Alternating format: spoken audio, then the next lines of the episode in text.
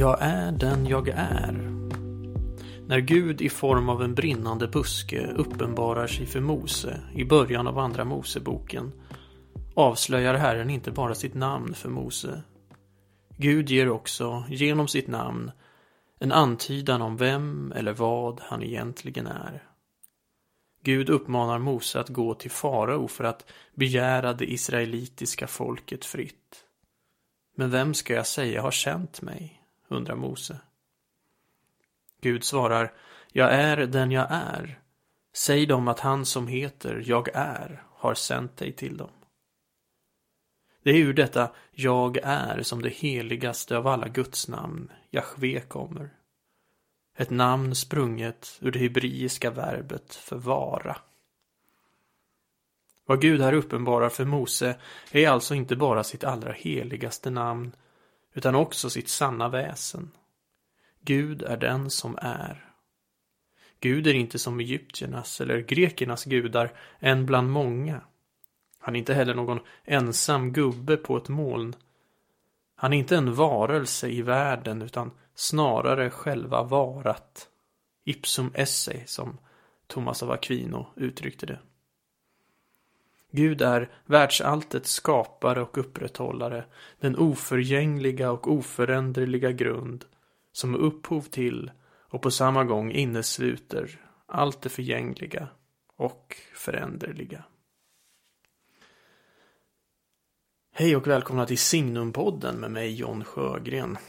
En samtalspodd producerad av tidskriften Signum som kommer att röra sig vitt och brett, högt och lågt inom Signums intressesfär det vill säga kultur, teologi, kyrka och samhälle. Med ett nytt tema och en ny spännande gäst varje avsnitt. Och vår allra första gäst i detta premiäravsnitt är Ulf Jonsson. Välkommen till Signumpodden. Ja, tack så mycket. Du är jesuitpater, professor i religionsfilosofi och givetvis viktigast av allt, Signums chefredaktör. Och som ni nog förstod av den eh, högtidliga inledningen här så ska vi i detta avsnitt ta oss an en nätt och enkel liten fråga, nämligen Vem är Gud? Vilket är passande för du Ulf har nyligen kommit ut med en bok som till största del avhandlar den här frågan. Den heter Med tanke på tron och kan sägas vara en uppföljare till din introduktion till religionsfilosofin som heter Med tanke på Gud. Men det här är då en introduktion till fundamentalteologin som är tänkt att vara i två band, så detta är då det första bandet. Och det avhandlar eh, naturlig teologi. Du kanske bara inledningsvis vill säga någonting om vad fundamentalteologi är för någonting också, kanske lite vad naturlig teologi är för någonting, för det är discipliner som kanske inte är alldeles välkända, åtminstone inte här i Sverige. Eh, nej, det, eh, det, tror jag också verkligen. Fundamental teologi är ju ett eh, teologiskt ämne då.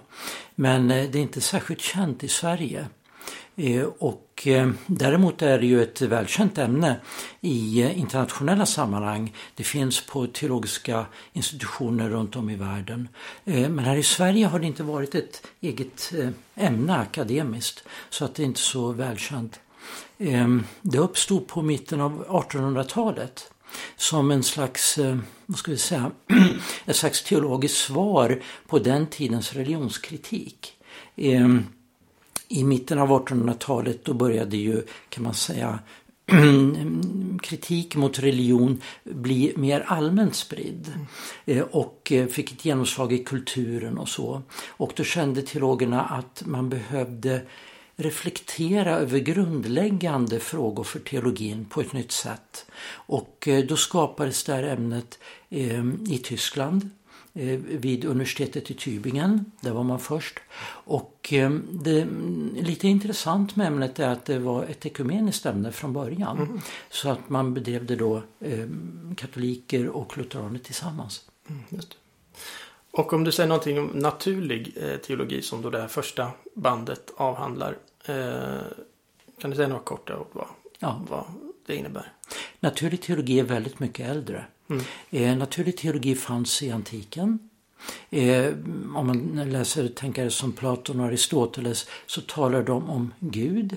Men de gör det inte utifrån religiösa erfarenheter, utifrån uppenbarelse eller någonting sånt. Utan mer så att säga på ett allmänmänskligt plan utifrån reflektioner av hur tillvaron är funtad, vad det är att vara människa och, och sådana saker. Och det kallas för naturlig teologi, att man reflekterar över Gud, inte utifrån uppenbarelser, religiösa erfarenheter, utan utifrån att man försöker förstå både vad det är att vara människa och förstå tillvaron, hur den är funtad. Just Och andra bandet i den här, det, då är det mer tänkt att eh, vara uppenbarelse, utgå från uppenbarelsen jag förstått. Just ja, det. ja, precis. Vi kommer nog röra oss lite mellan de här två eh, Eh, i vårt samtal här idag skulle jag tro. Eh, men anledningen till att jag ville börja med ett avsnitt om Gud var så att säga, inte bara för att du nyligen har skrivit en bok om detta, även om det var väldigt passande. Utan kanske också för att jag tänker att det är främst en fråga som det kanske råder minst kunskap om i de breda folklagren. Jag tänker mig att en genomsnittlig sekulär svensk egentligen kanske inte vet riktigt vad en kristen människa menar när hon säger ordet Gud. Eller för den delen en muslim eller jude. Och det finns också flera missuppfattningar tycker jag som man ofta kan stöta på när Gud kommer på tal. Eh, och jag tänkte vi skulle liksom ta spjärn lite grann mot två av sådana här missuppfattningar som man ofta stöter på.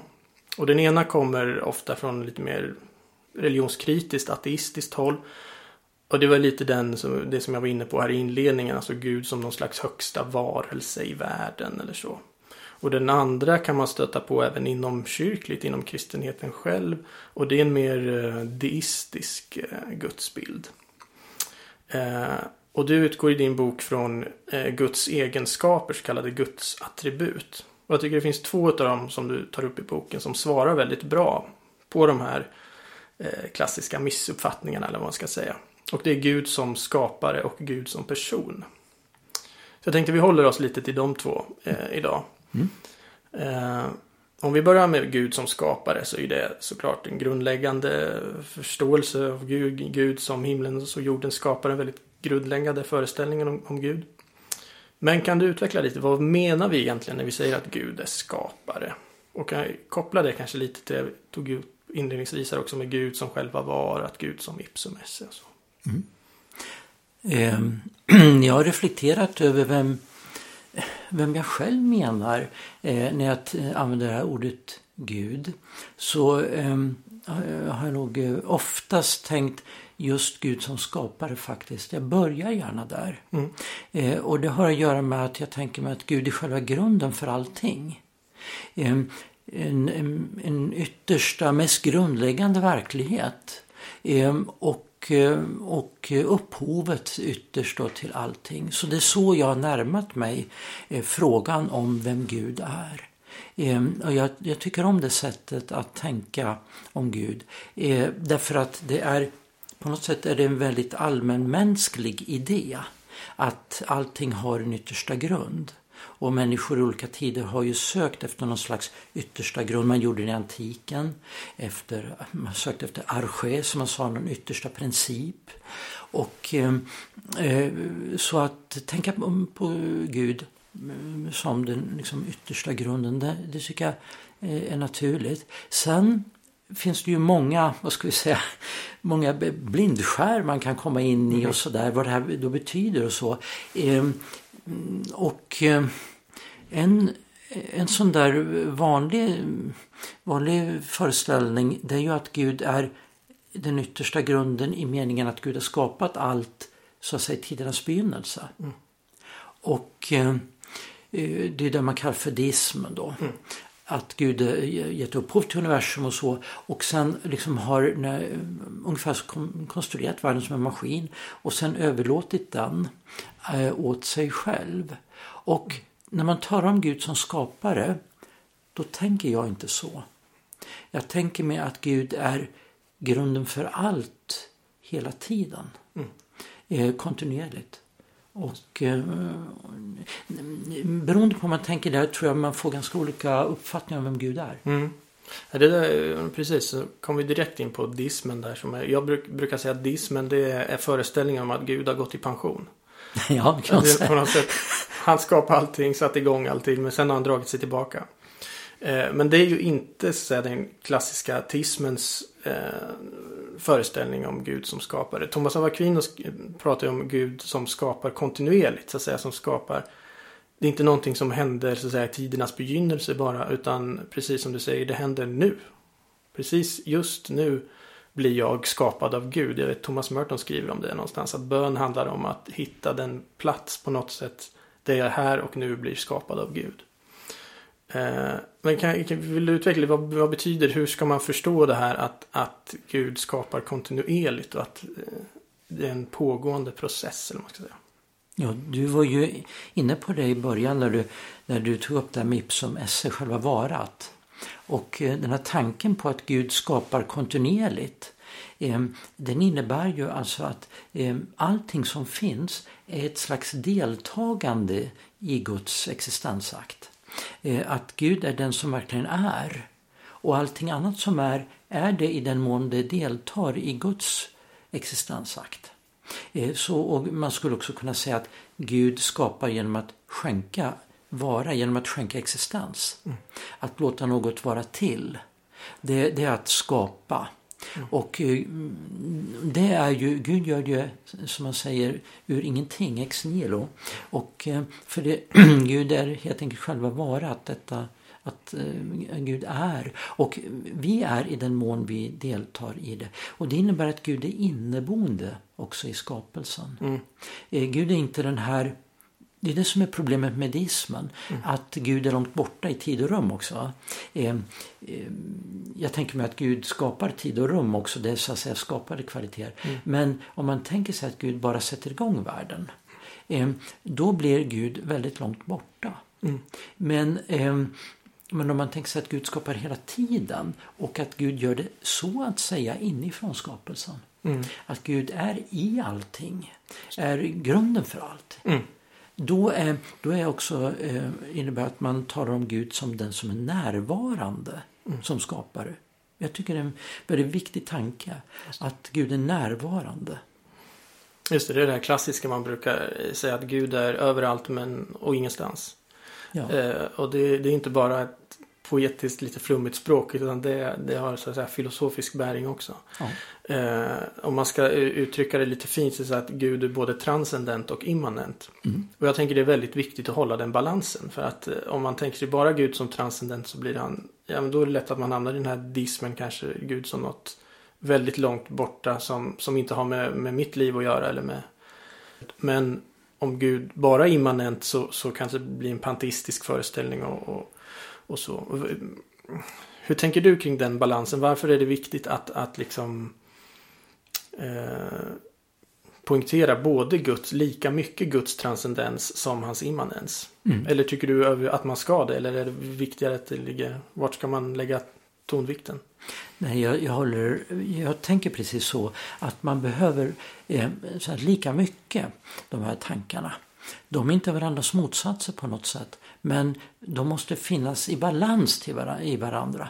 Därför att eh, när man mm, lyfter fram Guds immanens, det här att Gud är närvarande i världen, då finns det ju eh, om man så säga, drar det väldigt långt, finns det en risk att man helt enkelt gör Gud är till ett ting. Mm. Att Gud är någonting i världen eh, och någonting skapat. Så att säga. Och då blir, då blir Gud också så att säga, underordnad världen och kan inte bära världen. Mm. Men eh, så det finns en risk, om man så vill kan man säga att väldigt antropomorfa uppfattningar om Gud, alltså när man tänker sig Gud väldigt likt eh, det mänskliga eller så. Mm. Då har man gått för långt i den här immanenstanken. Att Gud är precis som en människa. Mm. Ehm, men å andra sidan behöver vi ehm, också eh, transcendensaspekten. Den är väldigt viktig eftersom om man glömmer bort den då, eh, då förlorar vi ju detta att Gud alltid är större. Mm. Gud övergår alltid skapelsen. Så att vi behöver både betona att Gud är närvarande i skapelsen Men inte så mycket att Gud är ting. Mm. Så att det blir så att Gud blir ting, en skapad varelse. Men, och vi behöver också betona transcendensen, att Gud är större. Men inte på ett sånt sätt att Gud inte kan vara närvarande i skapare. Det finns väldigt fint uttryck eh, för det där tycker jag. eh, Som är, det uttrycker det lite mer poetiskt men jag tycker det, det, är, det, det är väldigt fint. Eh, Jag är inte säker på att jag får till det precis ordagrant. Mm. Men att inte eh, rymmas i det största. Mm. Och att inte hindras eh, eller begränsas av det minsta, det är gudomligt. Just det. det Jag tycker det är en väldigt Mm. fin tanke. Mm. Gud är sådan att han varken begränsas Mm. när han är det allra minsta. Just det. Eh, Men han får heller inte rum i det allra största. Just det. Ja, det, är- det är väldigt fint. Det, det har också verkligen bäring på, tänker jag, liksom det andliga livet och så. Eh, och jag, jag tänker på skapelseberättelsen, eller på, på, på Adam och Eva här, liksom två attityder till Gud. Att vi kan inte, deras ena, att de försöker på något sätt greppa Guds eget liv. De försöker liksom få tag på Gud när de vill äta av kunskapens frukt. Så att säga att, att det är lite att förtingla Gud eller att på något sätt försöka få tag om dem. Men vad gör de sen? Jo, sen försöker de fly från Gud. Men Mhm. om man pratar om Guds transcendens och hans immanens så är ju det att du kan varken så att säga gömma dig från Gud men du kan heller aldrig så att säga greppa och eh, förstå honom. Eh, och det tänker jag är en, en viktig poäng. Ja. Det finns också i Bibeln den här tanken att var jag än är så att säga är Gud där. Mm, just I. Psaltaren ja. till exempel Mm, 139 där. Eh, var jag än är är Gud där. just det. Det finns också hos Thomas av Aquino, vi har kanske varit inne på det lite, men det är en liten kryptisk eh, uttalande eller formulering. Gud är den verklighet där essens och existens sammanfaller. Mm. Alltså att Gud är den verklighet som vars, som består liksom av vars, vars själva väsen består av att existera. Vill du försöka förklara lite om vad Thomas av Aquino menar med det? Ja, det är faktiskt en väldigt grundläggande tanke hos Thomas av Aquino. Men den är inte helt enkelt att ta till sig. Därför att ja, man kan eh, kanske uttrycka det så här. Eh, vi skiljer mellan att någonting har egenskaper och att det finns. En cykel till exempel kan ha styre och sadel och pakethållare och så vidare. Men att den finns är inte riktigt på samma plan som pakethållaren och eh, ringklockan. Det är en, en slags annan eh, sak man säger, eh, att cykeln finns och att den har de där egenskaperna. Och vi skiljer på att någonting finns och att någonting har vissa egenskaper. Och det gör vi väldigt eh, bra i. Jag tror det är väldigt eh, bra att göra det. det eh, filosofen Frege, som mot slutet av 1800-talet eh, gjorde en stor poäng av att, att finnas, att existera är inte en egenskap. Och jag tror han är helt rätt i det där. Men det gäller för allting som är begränsat. Eh, och allting som är kontingent som man säger. Eh, som är beroende av någonting annat, står i beroenderelationer. Men hos Gud eh, är, finns det inte den där skillnaden mellan att finnas till och att ha egenskaper utan det går in i varandra. Och eh, det hänger ihop med att Gud inte är beroende av någonting annat. Eh, och eh, att, så Gud har sina egenskaper med nödvändighet. Mm. Och det innebär att Guds egenskaper de kan inte riktigt jämföras alltså, med egenskaper med, hos tingen i världen. Så eh, att Gud är som Gud är och att Gud existerar, det liksom smälter ihop i Gud. Mm. Det här, vi kan inte föreställa oss det. Eh, Att en egenskap så att säga eh, är en form av existens. Och vårt språk fungerar inte så. Men, eh, men Gud existerar ju på ett annat sätt än vi materiella begränsade ting. Du var inne på det li- lite förut, men jag tänker vi kan fördjupa det lite grann. Detta med att Gud skapar ex nihilo, ur intet. Eh, jag tänker att det har väldigt långtgående konsekvenser faktiskt, den tanken. Eh, hur, hur tänker du om det? Var, varför är det en viktig tanke? Eh, Jo, eh, därför att vi människor när vi skapar saker och ting då gör vi det alltid av någonting. Eh, när vi gör en stol så använder vi material. Eh, vad vi än gör så eh, skapar vi liksom ur någonting. Det är för övrigt intressant att se den grekiska mytologin. Gudarna skapar ju där saker ur mm. någonting. Så att, säga. så att det ligger nära till hands för oss att tänka oss så. Men när Gud skapar så finns det så att säga ingenting annat föreliggande. Så Gud skapar verkligen från grunden. Ur så att säga ingenting. Gud behöver inte ha något material att jobba med. Mm. Eh, och eh, det, det, är en viktig tanke. Den finns i Bibeln förresten också. Eh, den finns redan i Gamla Testamentet. Eh, att Gud skapar ur ingenting. Och det är en, eh, det är en tanke som alltså också från judendomen har förts in då i kristendomen och så. Eh, och, eh, så att det, det, är verkligen en allmän eh, judisk kristen och muslimsk tanke mm. att Gud skapar ur ingenting. Och det innebär att Guds skapelseakt är en unik akt. Just det. Den liknar ingenting annat. Och därför är heller inte Gud en orsak till världen och till sakerna i världen på samma sätt som andra orsaker i mm. världen. Det är väldigt viktigt därför att eh, ibland kan man också komma in på föreställningar att man tänker att Gud är en orsak i samma bemärkelse som inom fysiken eller, eller sådär. Gud är inte en orsak i samma bemärkelse som orsaker i fysiken.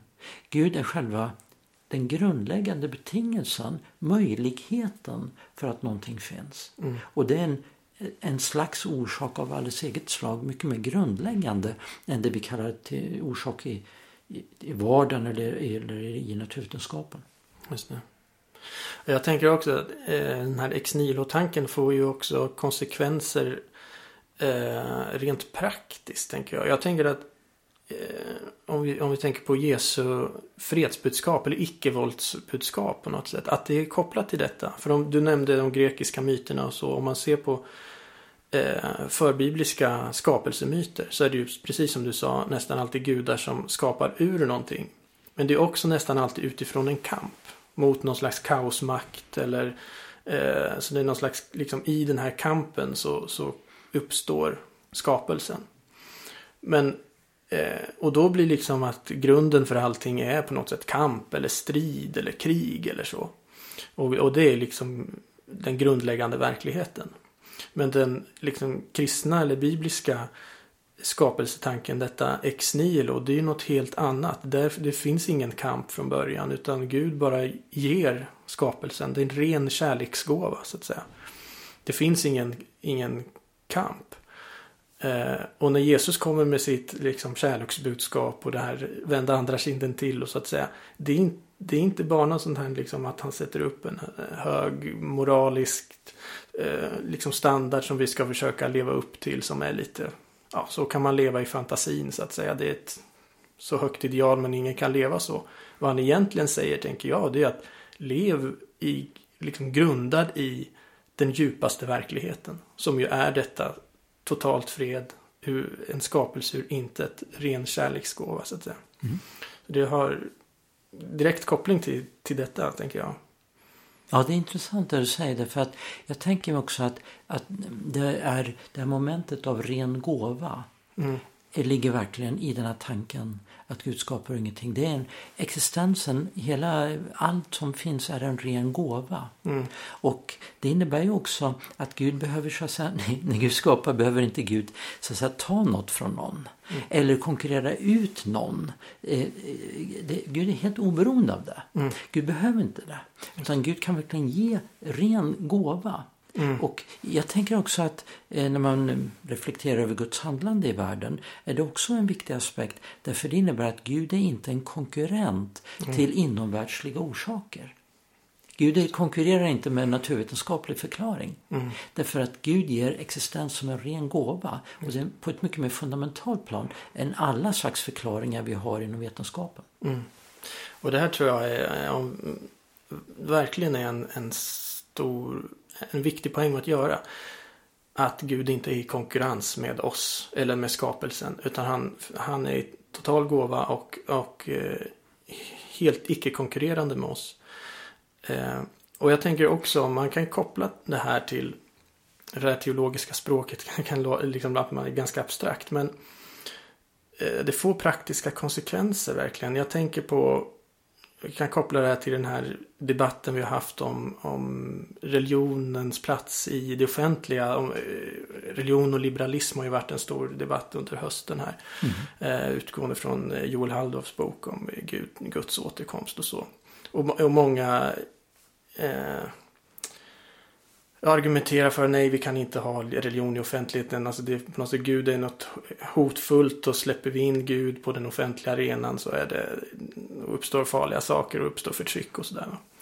Eh, men det bygger ju helt och hållet på någon slags deistisk föreställning först att Gud är långt borta som sen på något sätt kan komma in och, och också att han är i konkurrens med oss. Men om det är så som vi har pratat om nu att Gud snarare ipsum esse, Gud är själva varat då handlar det inte så mycket om att liksom jag ska få någon relation när han kommer till mig eller, eller jag ska försöka tillkämpa mig någon relation till Gud. Utan jag är en relation till Gud. Mm. Eh, min, min existens är som du sa, alltså är delaktig i hans skaparakt, hans existensakt. Och, och då har ju också Gud med precis allting att göra i mitt liv. Mm då, då kan jag inte säga att Gud bara har med mitt privatliv att göra. Att han har ingenting med mitt offentliga liv att göra. Utan om han faktiskt är ipsum esse. Då har han med precis allt att göra. Inklusive mitt politiska liv. Eller vad man ska säga. Eh, ja, så, så, jag tänker att hela, hela den debatten på något sätt har, har varit någon slags eh, prata förbi varandra. För en kristen menar någonting annat när den säger Gud och den kritikern där menar någonting helt annat. Mm. Nej, jag tänker mig också verkligen det så att eh, Gud, är, Gud är min enda chans. Gud, Gud, är min enda chans att finnas. Mm. Och Gud är inte något som kommer till en så att säga ordinarie vanligt liv. Utan Gud är själva förutsättningen för livet. Och, eh, och i alla aspekter. Eh, och eftersom Gud är en förutsättning på ett absolut fundamentalt plan innebär att Gud heller inte är en konkurrens. Mm. Inte heller till, till min frihet, mm. till min möjlighet att gestalta livet och så vidare. Utan tvärtom, eh, Gud är den som gör det möjligt. Mm. Också till exempel med att jag kan vara fri. Ja. Det är ju verkligen sant. Det tror jag är den största så att säga, invändningen. Man tänker att, att Gud, eh, om, om jag släpper in Gud i mitt liv då, då blir min frihet begränsad. Så att säga. Jag har eh, spenderat den senaste året med att läsa von Baltasars stora teodrama. Eh, han har fem band, ett stort teologiskt verk som handlar just om detta. Att eh, mötet mellan den gudomliga, oändliga friheten och den mänskliga, begränsade friheten. Men vi blir verkligen fria så att säga när de här två friheterna möts. Så det finns ingen konkurrens där utan snarare att vi blir levande, fullt ut levande när, när vi kommer i kontakt med den här gudomliga friheten.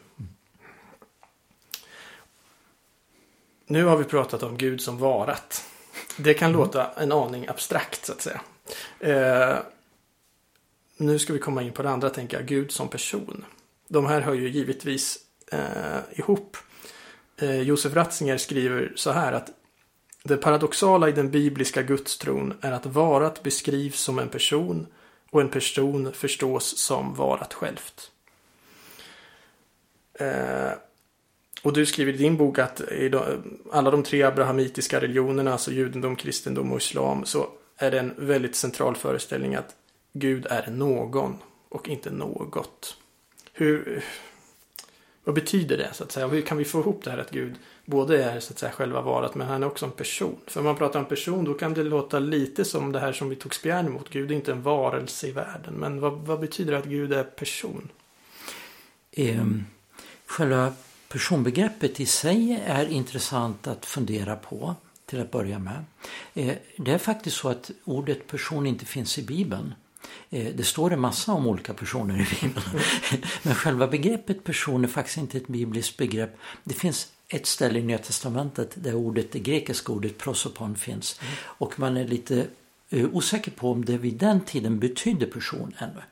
Men det är det ord eh, som tillsammans med det grekiska hypostasis har översatts till latin till persona och som har blivit vårt moderna ord person.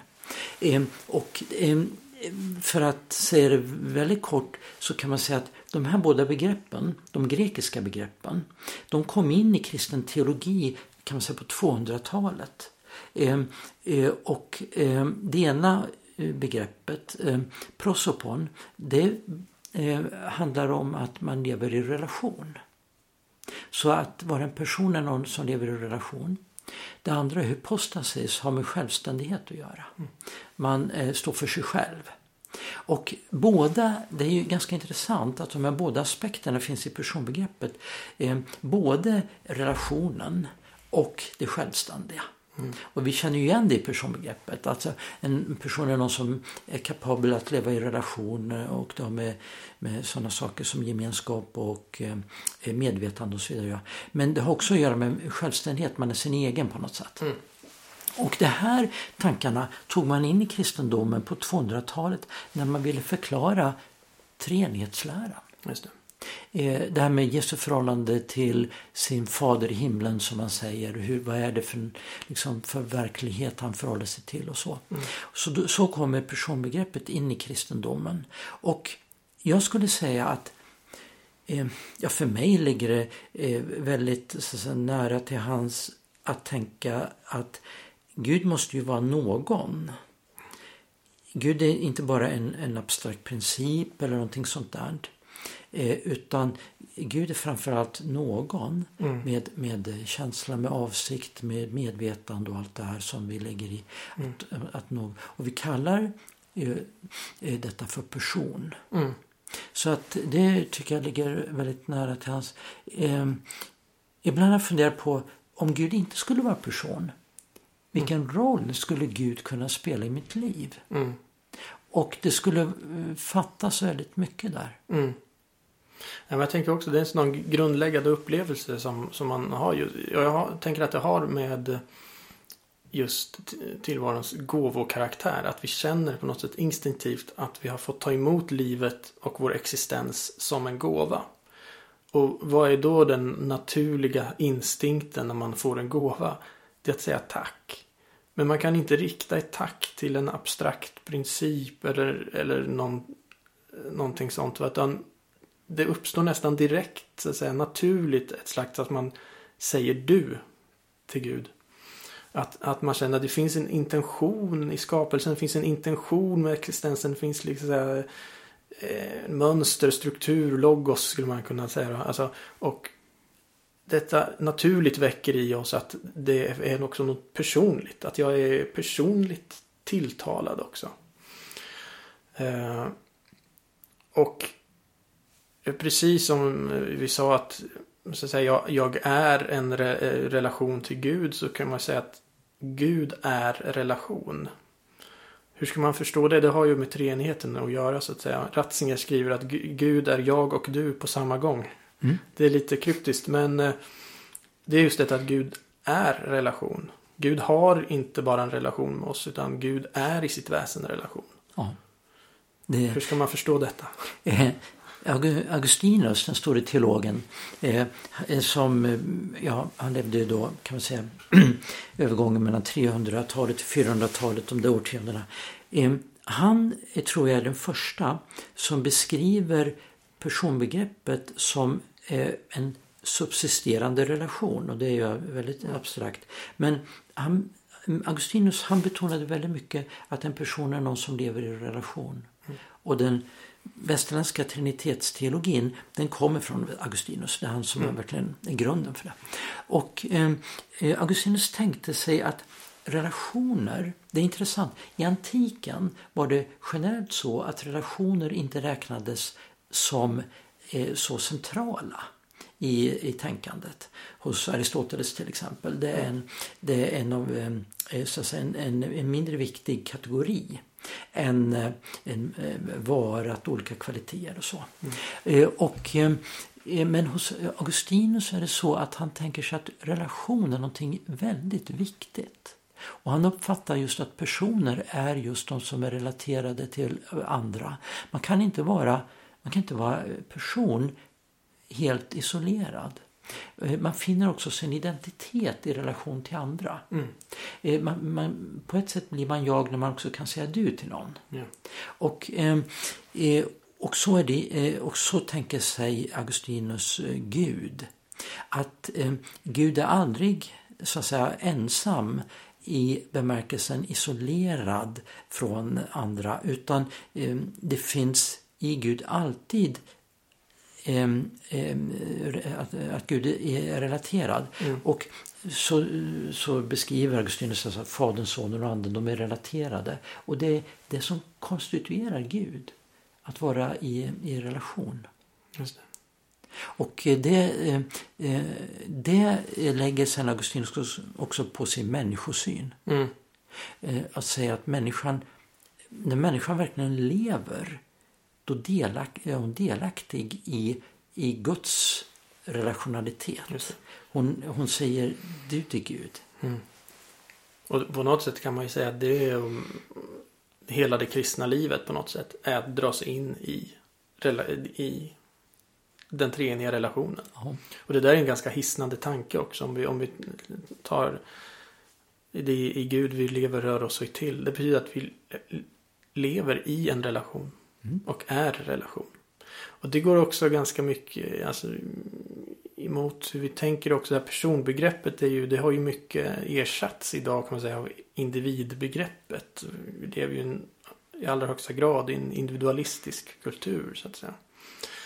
Men på ett sätt kan man säga att individ är ett ord som nästan inte finns i den kristna vokabulären på ett sätt. Mm. Eh, för att det går inte att tänka sig människan som en eh, ja, som, som, att hon skulle vara helt ensam eller helt innesluten i sig själv. Att hon, hon är helt enkelt relation. Både till sina medmänniskor men ytterst eh, lever så att säga i relation till Gud. Ja. Det, är ju, det, det, här, det här ordet individ det har ju med det odelbara att göra. Och eh, det, på grekiska eh, atom. Va? Mm. Mm. Att vi är atomer som är så att säga odelbara och eh, för oss själva. Men det, det, är inte den kristna människobilden, människosynen och det är inte den kristna gudsuppfattningen heller. Nej. Det är, inte. det är intressant att filosofen Boetius på 500-talet det var han som började att tala om personer som individer. Han var den första. Mm. Han definierade på det sättet. Men eh, Augustinus eh, för vidare den här relationsuppfattningen. Det är den som blir i den kristna teologin den verkligt avgörande. Hos Thomas är person någon som lever i relation. Mm. Inte en individ. Nej, just det. Mm. Och jag tänker man, man kan om vi försöker sammanfatta eller slå ihop lite de här Gud som varat och Gud som person. Så tänker jag att på, på ett sätt kan både den, de föreställningarna men också he, hela egentligen den kristna uppenbarelsen kan sammanfattas i, i de här tre orden som finns i Johannes första brev. Gud är kärlek. Både Gud så att säga det här totalt givande vara att ge sin existens, ger existens som ren kärleksgåva. Men också att Gud är det här relationella. Eh, som också, och de tre orden är Gud är kärlek. Ja. Eh, sammanfattar på något sätt perfekt vem, vem Gud är, den fråga vi så att säga försökte, försöker svara på här ja. idag. ja. Eh, men jag tänker också det är viktigt på något sätt att landa i att säga att Gud är kärlek är också att säga att Gud är mysterium. Mm. Eh, för nu sitter vi här och pratar ganska så att säga, förnuftigt om, Gud och det kan vi ju allra högsta grad göra. Men eh, det är alltid väldigt viktigt att landa i på något sätt att Gud är bortom alla våra begrepp och eh, allt vad vi kan eh, förstå egentligen. Eh, och jag tänker om man går tillbaka till eh, där vi började, Gud i den brinnande busken, där Gud på något sätt uppenbarar, avslöjar sitt namn på ett sätt, uppenbarar att han, jag är själva varat, han säger jag är den jag är.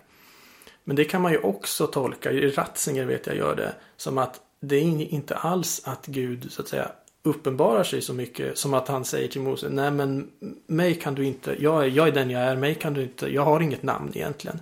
Mig kan du inte kalla på och så kommer jag så att säga på, på din uppmaning.